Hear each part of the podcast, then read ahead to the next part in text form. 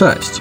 Słuchasz podcastu Deal with IT, w którym praktycy opowiadają, jak wejść do branży IT lub rozwinąć w niej swoje skrzydła, żeby być na wyższym levelu.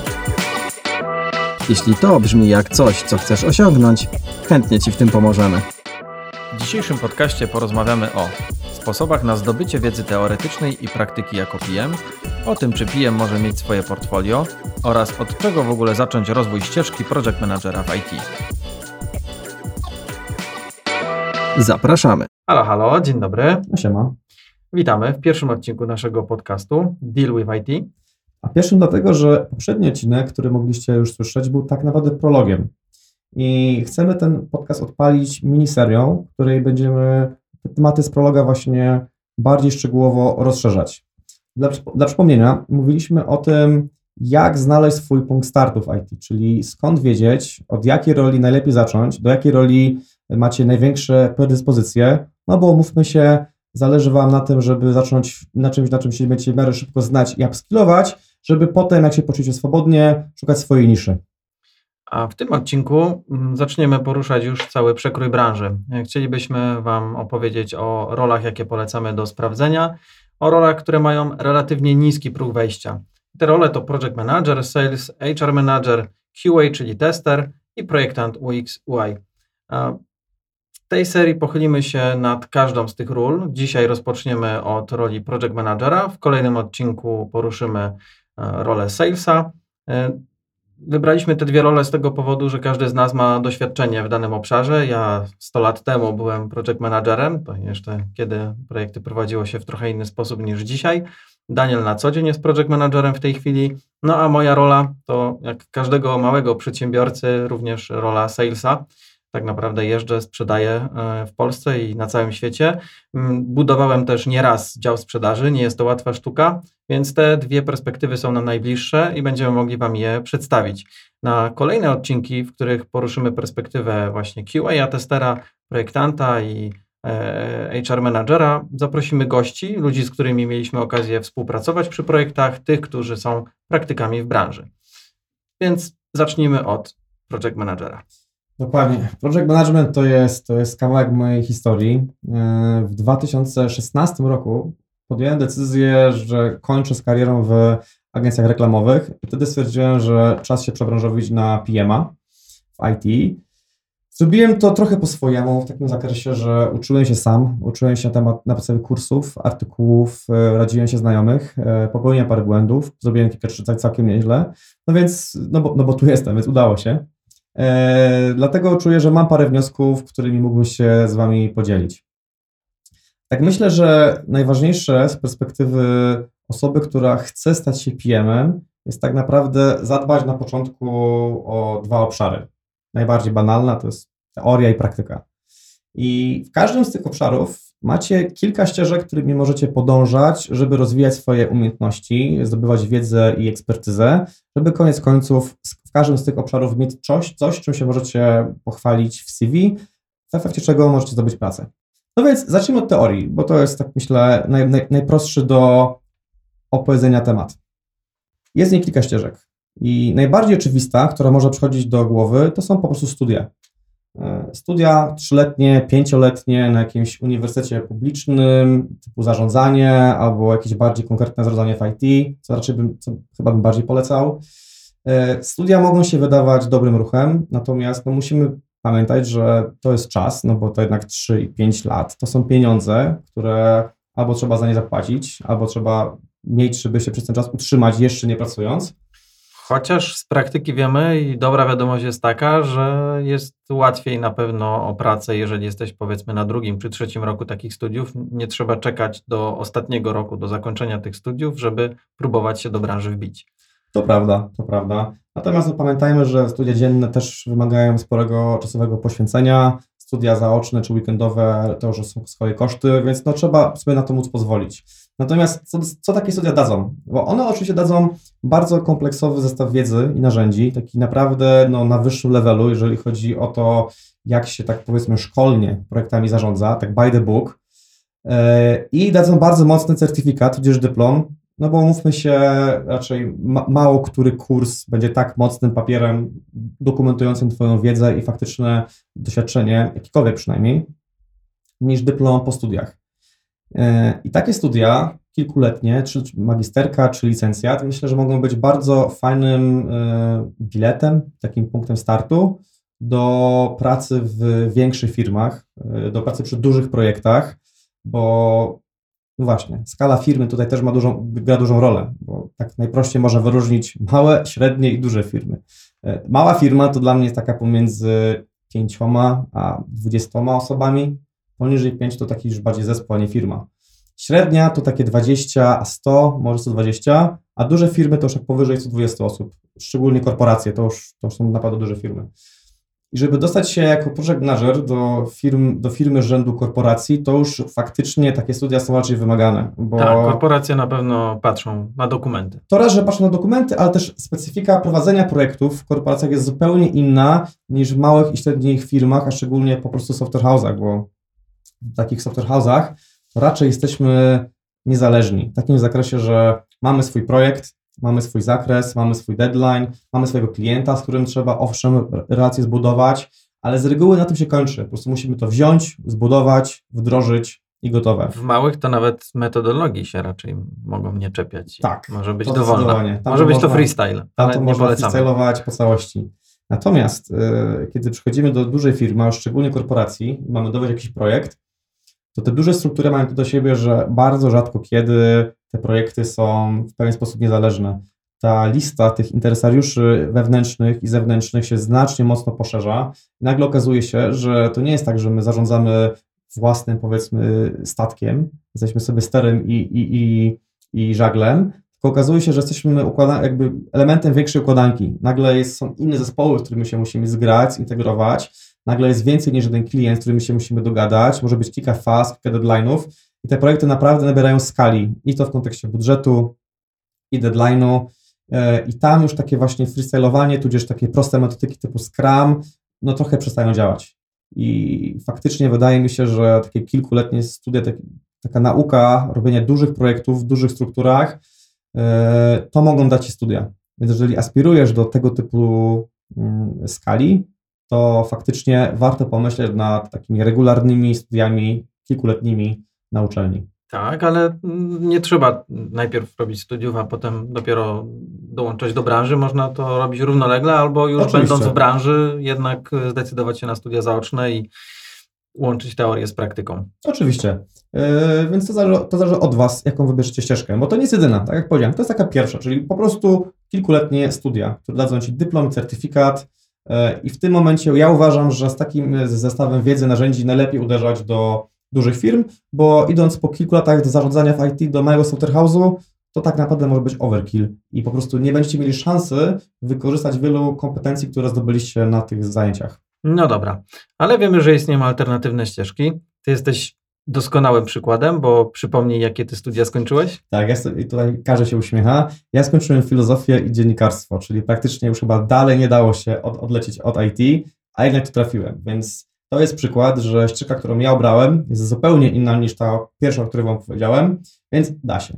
Uzupełniająco, jak już jesteśmy przy przyznawaniu się do takich rzeczy, no, no, to ja z kolei skończyłem dziennikarstwo, chociaż na magisterkę, żeby nie było, dorzuciłem sobie specjalizację zarządzanie zasobami ludzkimi. To już była politologia. To już bliżej. Więc już trochę bliżej, natomiast y, no, ja studiowałem jakby już prowadząc firmę 5 lat, y, jakby od, od pierwszego roku studiów już, już miałem firmę, więc jakby to trochę też y, coś innego. No i podobnie jak u Ciebie, czyli praktyka, te studia zupełnie niezwiązane. Także to jest dobra wiadomość potwierdzająca to, że nie trzeba skończyć studiów stricte w tym kierunku, żeby dołączyć do IT, szczególnie jako project manager. Idąc do kolejnych ścieżek, no jaka jest druga? Poza studiami mamy też kursy. Kursy dzielą się na dwie kategorie. Kursy powiedzmy duże i małe. My lubimy takie podziały duże, małe, bo są ba bardzo łatwo działać na wyobraźnię. Przez kursy duże mamy na myśli takie dwu lub trzymiesięczne, gdzie zbiera się jakaś grupa osób, to jest z reguły między 20 a 100 osób, tak, tak myślę. Eee, zawiązuje się jakaś społeczność, są jakieś zajęcia raz w tygodniu, czy weekendami, wieczorami, albo każdy ma naprawdę, tak naprawdę zestaw ćwiczeń, które robi we własnym zakresie, a co jakiś czas są spotkania z jakimiś mentorami, tudzież osobami, które te kursy prowadzą. jest jakieś community, na którym się możemy wymieniać wiedzą, jest jakaś praca zaliczeniowa, która na koniec tego kursu jest weryfikowana, feedbackowana i zaliczana. Jest jakiś certyfikat, który ten kurs ci daje. I te kursy, no, dwa, trzy miesiące to jest znacznie krócej niż dwa, niż trzy lub pięć lat, więc oczywiście, dadzą ci mniej wiedzy, natomiast one pozwolą ci tak liznąć po całkiem szerokim przekroju e, branży, do której chcesz wejść i tych działań, których chcesz się nauczyć.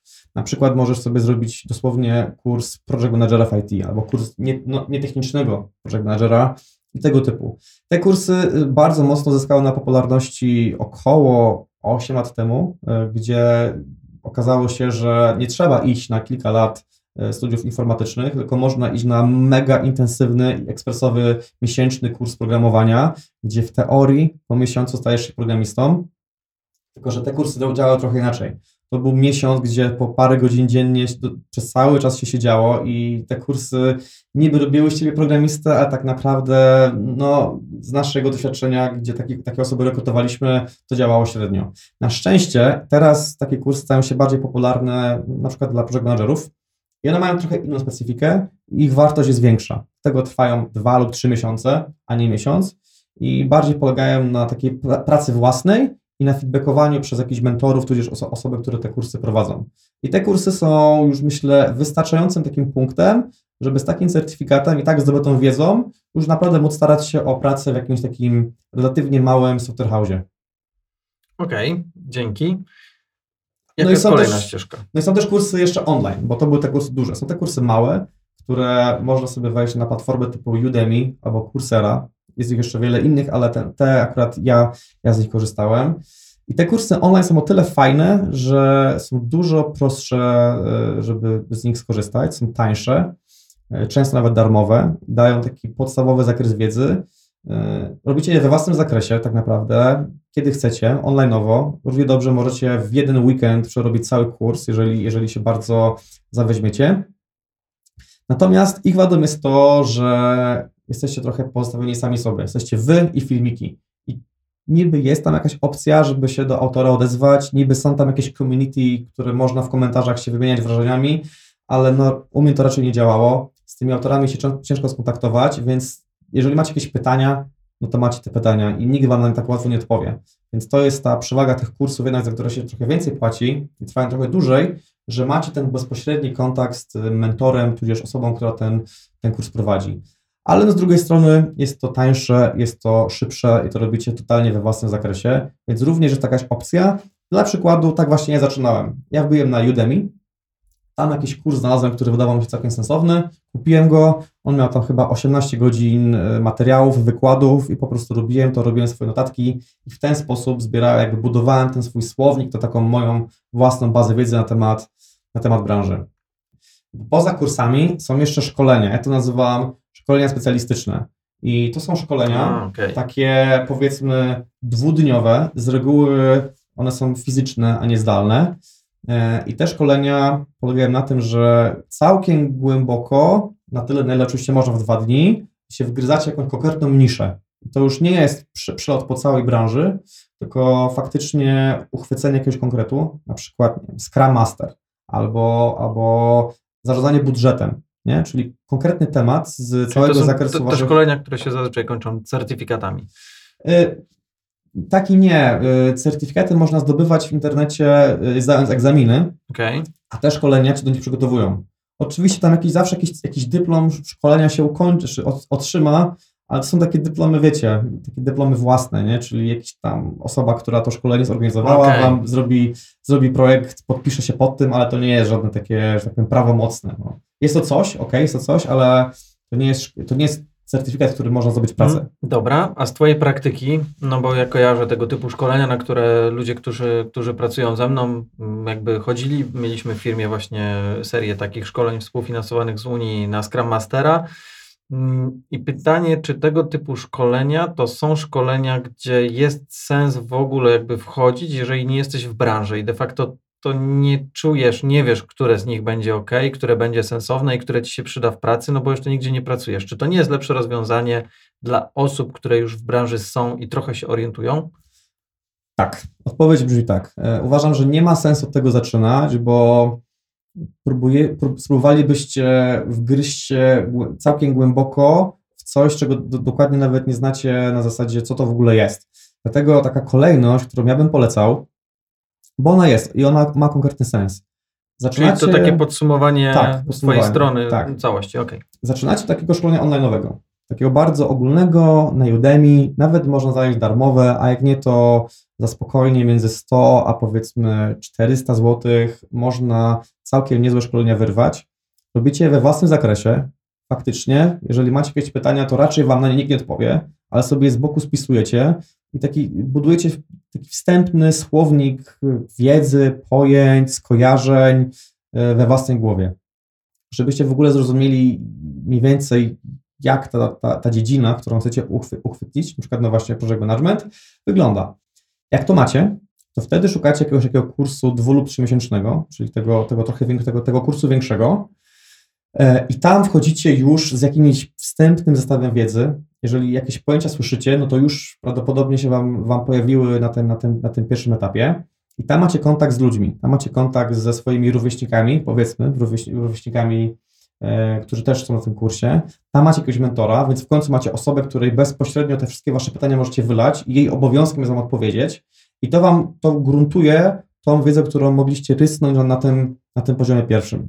Jak to macie ogarnięte, to wtedy dopiero na etapie trzecim możecie jakiejś swojej niszy poszukać. Czyli jak wiele tematów liznęliście, harmonogramy, budżety, ryzyka, relacja z klientem, Scrum, Stage z innej strony, to na tym etapie możecie pomyśleć, że z tego wszystkiego to chyba najbardziej mi się podoba na przykład kwestia budżetów.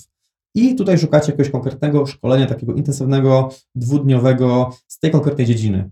I w tym momencie jesteście na poziomie, gdzie macie ogólny ogląd wiedzy, już, już macie jakiś jeden dyplom lub, lub certyfikat i macie jakąś swoją mini specjalizację, no bo to Wam się faktycznie spodobało albo poczuliście, że to Wam wchodzi bardziej niż coś innego. I to jest taki moment, który macie już całkiem niezły zestaw tej teorii, żeby pójść dalej i aplikować do małej lub średniej firmy. Przypomnę, to nie będzie wystarczające, żeby aplikować do dużej korporacji, bo tam raz, że patrzą na te certyfikaty, dyplomy po studiach, a dwa, że ta wiedza faktycznie się przyda, a ra- na pewno na takim kursie szybkim, jakiejś większej met- metodologii waterfallowej, którą się stosuje w dużych korporacjach, się nie nauczycie, ale małe i średnie software house'y będą jak najbardziej dla Was ok w tym momencie.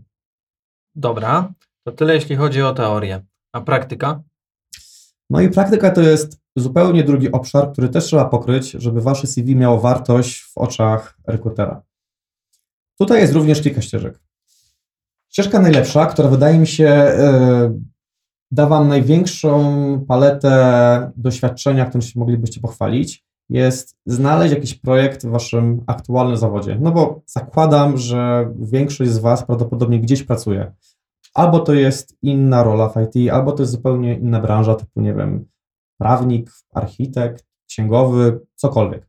Ta, którą ja uważam za najlepszą, to jest znaleźć jakieś wyzwanie zarządcze w swojej aktualnej pracy, nie? Mhm. Czyli jeżeli powiedzmy jesteście, no znowu tym księgowym, czy architektem, czy prawnikiem, czy dowo- dowo- dowolną inną rolą e, i macie swoją specjalizację, robicie swoją, swoją rzecz, którą, którą potraficie, to zastanówcie się, czy przypadkiem nie ma u Was w firmie żadnego takiego wyzwania, które moglibyście ogarnąć jako osoba niewykonawcza dane działanie, a bardziej zarządzająca, nie?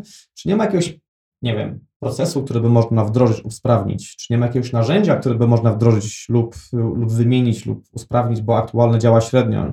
Czy na przykład nie moglibyście pójść do waszego przełożonego mentora, lidera, czy zwał jak zwał i powiedzieć po prostu, powiedzieć, że no, chciałbym coś więcej, za to jakby nie oczekuję podwyżki, chciałbym jakieś większe wyzwanie, żeby czymś zarządzać, za, za, za coś być odpowiedzialnym, coś wdrożyć. I tutaj taki mały tip, może nie mówcie tego wprost, że żeby zdobyć kompetencje, żeby za chwilę się zwolnić, bo to może nie siąść, e, ale wydaje mi się, że no mało który szef nie chciałby wam dać jakiegoś fajnego wyzwania, jeżeli byście o nie sami z siebie prosili na zasadzie, że Za darmo? Dwa razy poproszę. no, że ch- chce robić więcej. A wam to z kolei da super okazję, żeby przećwiczyć pewne rzeczy, żeby zmierzyć się z pewnymi wyzwaniami, żeby swoje wnioski wyciągnąć, jednocześnie no, pracując, zarabiając, więc nie musicie wszystkiego rzucać i iść na kursy przez dwa miesiące, potem się martwiąc, czy, czy, szybko nową robotę znajdziecie.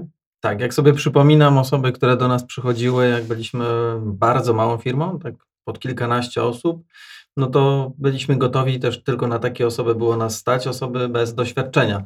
Mm, no ty byłeś jedną z nich, ale później jeszcze były osoby, które na przykład miały doświadczenie, chyba wspominaliśmy o tym, ty wspomniałeś jako e, kierowniczka sklepu. Tak. No i faktycznie to, o co my pytaliśmy, na co zwracaliśmy uwagę, no to jakby to, to, to, to były te kwestie organizacyjne, jak ktoś ogarnia, mówiąc kolokwialnie i wprost. No bo PM, no to jest taki trochę po prostu ogarniacz, który potrafi spiąć to wszystko i zrobić tak, żeby na końcu wyszedł wynik, którego oczekuje klient, czy który oczekuje projekt. Mm, no i, i, i tego typu doświadczenia tak naprawdę są niezbędne i one wcale nie odbiegają tak bardzo od tego, jak w praktyce później wygląda praca w, w projekcie i, i wyzwania w nim.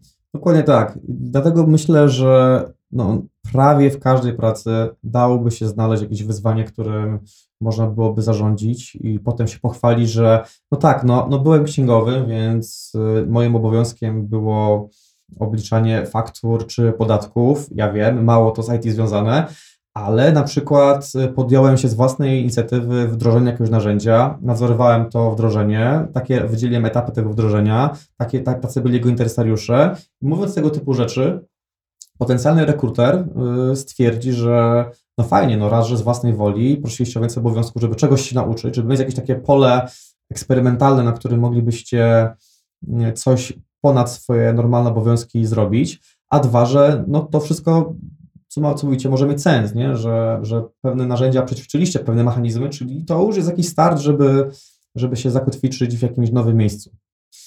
Więc to jest taka, taka rzecz, którą bym polecał na start. Natomiast no, pewnie są, znajdą się zawody, których albo wam szef nie da żadnego fajnego projektu, albo żadnego fajnego wyzwania, albo może nie pracujecie w takim miejscu, w którym to byłoby po prostu możliwe.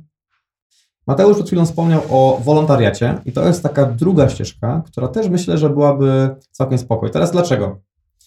Wolontariat to jest miejsce, w którym, które robilibyście po godzinach, czy weekendami, czy w wolnym czasie, e, również oczywiście za darmo, więc to byłaby wasza inwestycja, ale w zamian ta inwestycja dawałaby wam również doświadczenie i coś, czym byście się mogli pochwalić, nie? Mam na przykład koleżankę, która aktualnie pracuje ze mną w NetGuru i dostała się do NetGuru tak naprawdę nie mając wcześniej doświadczenia w żadnym innym software house'ie, ale po prostu pokazała, e, że przez kilka lat organizowała różnego typu eventy dla jakiejś tam grupy hobbystycznej.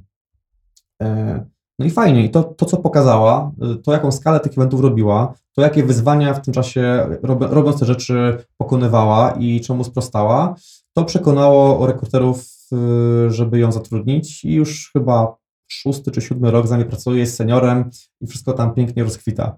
Przypomniałeś mi historię o dziewczynie, która pracowała u nas. Pozdrawiam Krysię, która przyszła i jej doświadczeniem, na które się powoływała, właśnie, tylko to było chyba w tej spółce marketingowej, nieważne. Właśnie jakby ona chciała zostać project managerką i doświadczenie, na którym bazowała jako taką rekomendację że ma doświadczenie, to było właśnie organizowanie Pyrkonu.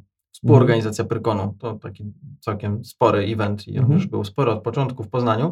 No i zrobiło to na nas wrażenie, jako na małej organizacji i stwierdziliśmy, ok, jeżeli ktoś jest w stanie organizować tego typu wydarzenie, czy współorganizować, no to na 100% przeżył nie jeden fuck up, na 100% musiał połączyć bardzo wiele sznurków i kropek, no i byliśmy bardzo zadowoleni z tej współpracy. Z tego co wiem, to Krysia dalej jest w branży, bardziej w stronę marketingu, natomiast na 100% zarządza projektami, bo spotkaliśmy się raz czy dwa. Dokładnie, bo jako junior, no nikt o Was nie będzie oczekiwał, że już macie te wszystkie narzędzia obcykane, harmonogramy, budżety i tak dalej. Bardziej oczekuje się od Was, że będziecie chcieli się uczyć, ale także, że będziecie po prostu potrafili sobie radzić z różnego typu, jak to Mateusz nazwał, fakapami, czy problemami. Czyli bo, taka odporność na stres. Dokładnie, to jest bo, istotny element bo, tego stanowiska. Bo to jest tak naprawdę znaczna większość naszej codziennej pracy. Planować pracę z zespołem czy z klientem sobie możemy, ale codziennie będą pojawiały się nieprzewidziane rzeczy, będą się materializowały ryzyka, których nie przewidzieliśmy. Jakoś trzeba sobie z tym będzie radzić. Więc jeżeli ktoś mi mówi, że był w stanie zorganizować wydarzenie na 100 czy 200 osób i opowiada mi o typach wyzwań czy problemach, jakich się z tym zmagał, to ja już w głowie sobie mniej więcej wyobrażam, jak tego typu osoba sobie poradzi z problemami z naszej kategorii. A całą wiedzę my ją w to wyposażymy. Więc wolontariaty są naprawdę, czy jakieś grupy hobbystyczne, projektowe, czy wydarzenia są super opcją, żeby takie doświadczenie zebrać i udokumentować. No dobrze, załóżmy, że y, albo to robicie, i, ale chcecie więcej, albo no po prostu nie macie w swoim otoczeniu żadnego takiego wolontariatu, żeby się zahaczyć, to to jeszcze nie jest koniec. Są jeszcze alternatywne ścieżki, głębsze. Możesz na przykład chodzić na różnego rodzaju meetupy. E, Meetup to w ogóle taka strona, e, którą bardzo polecam. E, meetup.com czy pl? Com. Com. Tam się możecie zarejestrować i zobaczyć, jakiego typu są wydarzenia w waszej okolicy, w waszym mieście, a są przeróżne i bardzo dużo jest wydarzeń z branży IT. Na tych wydarzeniach z reguły są jakieś prelekcje, czy wykłady, czy dosłownie warsztaty. I niejednokrotnie sam e, przychodziłem po prostu w ciemno na, na wydarzenia, które fajnie brzmiały i miałem okazję na miejscu albo kogoś poznać, albo czegoś się dowiedzieć, albo dosłownie jakąś technikę przećwiczyć. E, dlatego to jest fajna opcja, żeby. To, to nie wystarczy, nie? Żeby, żeby było jasne. To nie wystarczy powiedzieć, że byłem na 10 meetupach, natomiast to Wam da jakieś pole, e, pole do, do powiedzenia, że tego typu narzędzia ćwiczyłem, znam, słyszałem. Jest to jakaś dodatkowa wartość. Więc polecam sprawdzić, czy jakiegoś typu wydarzenia, prelekcje, warsztaty się nie dzieją w Waszej okolicy, bo to z reguły są darmowe rzeczy, a naprawdę dają fajną wartość, dają jakiś taki przedsmak, który, który, którym się możecie pochwalić. A jeżeli i tego na przykład nie macie w okolicy, no to myślę, że pozostaje udokumentować jakieś wasze prywatne przedsięwzięcia. Na przykład, no nie wiem, organizowaliście wesele, albo jakieś większe wakacje, jakiś wieczór kawalerski czy panieński, cokolwiek, nie? Jakby cokolwiek dużego, gdzie już pojawiały się kwestia pieniędzy, pojawiała się kwestia czasu, były jakieś etapy, które można było wyróżnić, że pewne rzeczy miały swoją kolejność, co trzeba było zrobić najpierw, byli zaangażowani różni ludzie, gdzie pojawiły się konflikty. Przemyślcie, co takiego robiliście w życiu, co dałoby się w tej strukturze mniej więcej opowiedzieć, bo to jest taki już no, ostatnia, ostatni element, który możecie powiedzieć tak, ogarnąłem to, takie miałem wyzwania, takie miałem problemy, tak to zaplanowałem, tak to przeprowadziłem, to jest powiedzmy moje, moje, moje doświadczenie. To też coś znaczy, nie? Gdyby ktoś mi opowiedział o tym, jak swoje wesele zaplanował, a przy okazji pokazałby mi swojego Excela z budżetem, albo jakąś, jakąś, jakąś harmonogram kolejnych kroków, to nie mając tych poprzednich y, elementów, to dla mnie w moich oczach to już byłoby coś, a, a nie zupełnie nic, nie? Czyli tym samym możemy obalić mit. Tak, dosłownie. Możemy obalić mit, że y, PM nie może mieć swojego portfolio. Y, taki mit kiedyś usłyszałem i przez długi czas w niego wierzyłem. No bo co, przyjdzie programista, to może pokazać, że to jest aplikacja, którą zaprogramowałem. Tak wygląda, tak działa, to jest super. Przyjdzie projektant i powie, to jest y, projekt strony, którą zaprojektowałem. Bardzo ładne, wszystko, kolorki, wszystko się zgadza, nie? Przyjdzie sprzedawca i pokaże Ci liczby, nie? takie projekty sprzedałem, tyle zarobiłem dla firmy. To jest też pewnego rodzaju portfolio. Jako project manager to też nie można powiedzieć, że prowadziłem taki projekt, takiej metodologii w takim czasie, ale to same liczby tutaj bardzo mało znaczą. Wyzwania, wyzwania, wyzwania, wyzwania. ale dosłownie można je ubrać w formę portfolio. Ja tutaj bym Wam polecał E, trochę się zainspirować portfolio projektantów, grafików, bo oni, oni z reguły mają takie rzeczy najładniejsze, no bo oczywiście odpowiadają za warstwę wizualną. Wpiszcie sobie po prostu portfolio grafika czy design portfolio. Zobaczcie, jak te portfolio są skonstruowane. Tam zawsze jakaś jest historia, jakiś wstęp, jakiś opis problemów, wyzwań i zastanówcie takie case study. Do, dosłownie case study, czyli e, case study jakby dla nas to jest Y, omówienie jakiegoś tematu od A do Z, całej historii, y, wszystkich etapów, wszystkich wyzwań, które były po drodze, w formie dosłownie wizualnej. Niech to będzie prezentacja, niech to będzie jakiś PDF czy, czy cokolwiek w tym, w tym stylu. I dosłownie zwizualizujcie narzędzia, jakich używaliście. Niech to będzie nawet Excel z waszym harmonogramem czy budżetem. Niech to będzie jakiś, jakiś scenariusz jakiegoś konfliktu, który mieliście i rozwiązaliście. Zwizualizujcie rzeczy, które działy się w tych waszych projektach, wolontariatach, projektach studenckich w formie takiej graficznej, bo szczerze mówiąc, do mnie na rekrutację, a już prowadziłem kilka rekrutacji, nikt takiego czegoś nigdy nie przyniósł. Gdyby ktoś mi pokazał, Mówi się, nie, że tak, ogarniam Excel, ogarniam formuły, ogarniam te, te, te narzędzia, ogarniam Jira, wszystko fajnie, ale nikt mi tego nigdy nie pokazał. A jakbym to zobaczył w takiej formie graficznej, że takie robię budżety w Excelu, to bym powiedział, o, fajnie, już, już potrafię sobie mniej więcej wyobrazić, jakiego masz skilla, już sobie mniej więcej Ciebie wyobrażam w naszych projektach. Dlatego zdecydowanie zastanówcie się, jak wizualnie udokumentować to, co robiliście, jak pokazać, jakich narzędzi używaliście. No, tym samym dotknąłeś bardzo ważnego tematu, że jest e, szansa na praktyczne zastosowanie pewnych podstawowych narzędzi, które są w małych projektach wykorzystywane. Możemy je wymienić. To jest na pewno pakiet narzędzi Google. Oczywiście. Co tam głównie? E, no, kalendarz? Kalendarz, mail. To brzmi jak proste rzeczy, tak naprawdę, ale y, warto znać tajniki tych narzędzi, typu jak organizować spotkania dla wielu osób, jak robić z nich notatki, jak to się wszystko łączy w dysku Google, bo widziałem osoby, które na przykład całkiem nieźle ogarniały pojęcia i teorie, ale kiedy przychodziło do konfiguracji dysku Google Drive'a do zespołu, żeby wszystkie dokumenty były w jednym miejscu, żeby wszystkie dostępy były odpowiednio rozdane, to to osoby nagle się gubiły. Więc to są rzeczy, które można bardzo łatwo sprawdzić w internecie. Są filmy wyjaśniające kilka Nawet minut. Na i... prywatnych kontach. Jeżeli macie jakieś konto gmailowe czy googlowe, to od razu macie dostęp do tego całego pakietu, więc sobie to po prostu poćwiczcie. Załóżcie jakiś dysk wirtualny, stwórzcie parę spotkań w kalendarzu, zobaczcie, jak to się z sobą wszystko synchronizuje z telefonem, bo w tym musi być, to są bardzo łatwe rzeczy, ale nie takie oczywiste. Jeżeli się tego nie robi na co dzień, to to może na początku być trochę, trochę mylące, a warto to ogarniać. No, ale jakby pakiet to jest jedno. Na pewno musicie ogarniać jakieś narzędzie do zarządzania zadaniami. Najprostszym, najbardziej popularnym, od, tego, od którego polecam każdemu, zacząć jest Trello. Trello to jest e, darmowe narzędzie, które możecie wykorzystywać do prywatnych celów, do celów służbowych. Jest to po prostu bardzo mocno konfigurowalna i przejrzysta lista zadań, e, którą możecie dowolnie rozszerzać, modyfikować i do praktycznie każdego projektu możecie ją zastosować. Jeżeli macie większe aspiracje, to oczywiście można iść głębiej. E, bardziej zaawansowane narzędzia do tego typu rzeczy to na przykład Asana czy ClickUp, również fajne, przejrzyste i dające trochę więcej możliwości, a taki największy kombine, który fajnie, żeby znalazł się w waszym CV, że, że, że znacie, ogarnąć, to jest Jira. Bo Jira to jest, to jest chyba najbardziej wszechstronne narzędzie do zarządzania projektami, zadaniami i zespołami i raczej w każdej większej firmie właśnie jej się używa, a ona już faktycznie ma całkiem wysoki próg wejścia. Natomiast na spokojnie zacznijcie od Trello, zrozumcie na czym to polega, jak wygląda przepływ zadań, jakiś prosty kurs z niego zróbcie i to już będzie coś fajnego w, waszy, w waszym CV. No i co, mamy jeszcze? Na pewno jakieś komunikatory, fajnie, żebyście ogarniali. E, z najbardziej popularnych to mamy Slacka i Teamsa.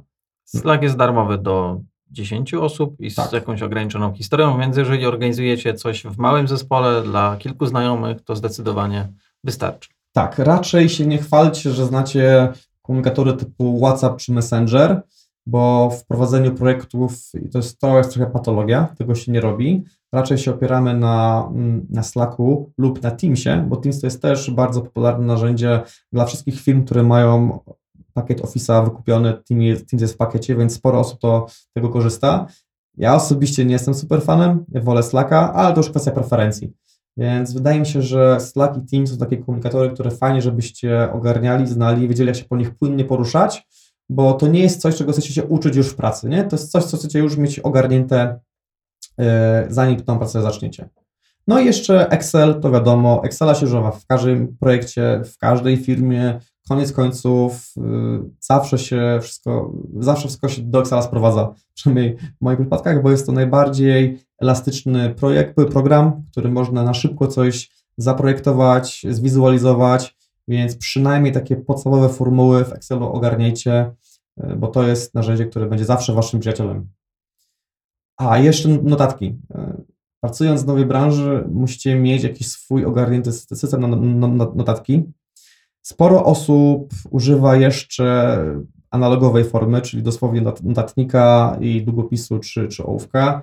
To jest ok, natomiast to jest raczej mało praktyczne, dlatego rekomendowałbym Wam, żebyście jakiś mieli swój system, czy to są Apple Notes, czy to jakiś Evernote, czy to, czy to Notion.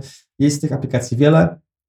Znajdźcie jakiś swój system, żebyście mogli szybko notować, sobie spisywać rzeczy na boku i potem wiedzieć, jak do nich wrócić. kiedy będą Wam potrzebne, bo w, w pierwszych dniach, kiedy będziecie zalewani wiedzą z różnych dziedzin, y, szybkie i proste i przejrzyste notatki będą dla Was na wagę złota. Okej. Czy mamy jeszcze jakieś materiały, które moglibyśmy polecić, e, które warto by było przejrzeć, przeczytać, zapoznać się z nimi? Tak, jak sobie przypominam, y, z czego uczyłem się i na czym stawiałem moje pierwsze kroki, to na pewno to, była, to były książki. Mo- Mogę takie trzy polecić główne. Jest książka pod tytułem Scrum, czyli jak robić dwa razy więcej, dwa razy szybciej, której autorem jest Jeff Sutherland, jeden z autorów metody Scrumowej. Scrum to jest tak, no tak, metoda prowadzenia projektów, jedna z popularniejszych, szczególnie w małych i średnich software house'ach, więc to jest jakiś must który musicie odhaczyć. A ta książka opisuje go w miarę przejrzyście i w miarę łatwo. Natomiast Scrum to nie wszystko, bo jednak prowadzić projekty Scrumowe to to się robi często, ale też nie tylko. Musicie, musicie wiedzieć, jak prowadzić projekty też nie Scrumowo. Więc jest taka książka pod tytułem U mnie działa, język branży IT, którym jest autorem Paweł Baszuro. I to jest książka, która w bardzo przejrzysty i przyjemny sposób daje Wam taki przekrój całej branży, daje Wam słownik, yy, informuje Was, jak rozmawiać na przykład z programistami, z projektantami. Naprawdę jest to przyjemna i napisana książka, którą się szybko czyta i można z niej wy, wyjąć dużą ilość yy, ciekawostek. A także jest taka książka Zarządzanie projektami dla bystrzaków. To jest śmieszna nazwa. E, Autorem jest Stan Portney. To jest taka, taka na maksa pigułka całej tej edukacyjnej uniwersyteckiej, uniwersyteckiej teorii, jeżeli chodzi o, o projekty. Sam ją kupiłem i to nie jest książka, którą musicie od A do Z przeczytać, ale są tam pojęcia, które mogą Wam być potrzebne w trakcie, że taki, taki, taki trochę słownik teorii y, zarządzania projektami. Mamy też kanały na YouTubie, które warto y, śledzić, na przykład Project Manager, tak po prostu to jest nazwane. Jest to kanał, na którym jest dużo filmików, na zasadzie 10-15 minutowych, które traktują o różnych tematach i dają bardzo fajny taki szybki wgląd w to na przykład czym jest Word Breakdown Structure, czy innego typu pojęcia, które będą Wam potrzebne. Także Project Manager kanał na YouTubie i blogi. E, Dwa blogi mogę powiedzieć szczególnie. Blog project-management.pl jest to blog do dzisiaj prowadzony, w którym bardzo ciekawie i prosto piszą o, o różnego tematu zagadnieniach. Oraz polecam blog mojej firmy NetGuru, której na przestrzeni ostatnich 10 lat zebraliśmy już pewnie setkę artykułów tylko o project managemencie, a nawet stworzyliśmy e-book e, PM Book, PM Guideline, już dokładnie nie pamiętam, ale to jest e-book, który jest dosłownie o PM-owaniu, jest on darmowy, zbiera on na chyba, nie wiem, 100 czy coś takiego stronach bardzo wiele technik i tipów e, z naszej praktyki dziesięcioletniej, więc od tego polecam zacząć. Super. Dzięki. Myślę, że przybliżyliśmy Wam trochę, jak wygląda praca ze strony project managera w IT. Co trzeba zrobić, żeby do tej branży dołączyć albo spróbować, gdzie zajrzeć, co poczytać. Jeżeli mielibyście jakieś pytania, no to śmiało piszcie do nas na kontakt małpa deal-with.it. Postaramy się odpowiedzieć. Piszcie w komentarzach. Lub nas znacie na LinkedInie, bo tam również jesteśmy. Mateusz Cyborski, Daniel Woźniak, zawsze mu chętnie odpowiemy. Zapraszamy. Dziękujemy za dzisiejsze wysłuchanie podcastu. A w następnym odcinku opowiemy o perspektywie salesa, czyli sprzedawcy. Dzięki, do Do usłyszenia. usłyszenia.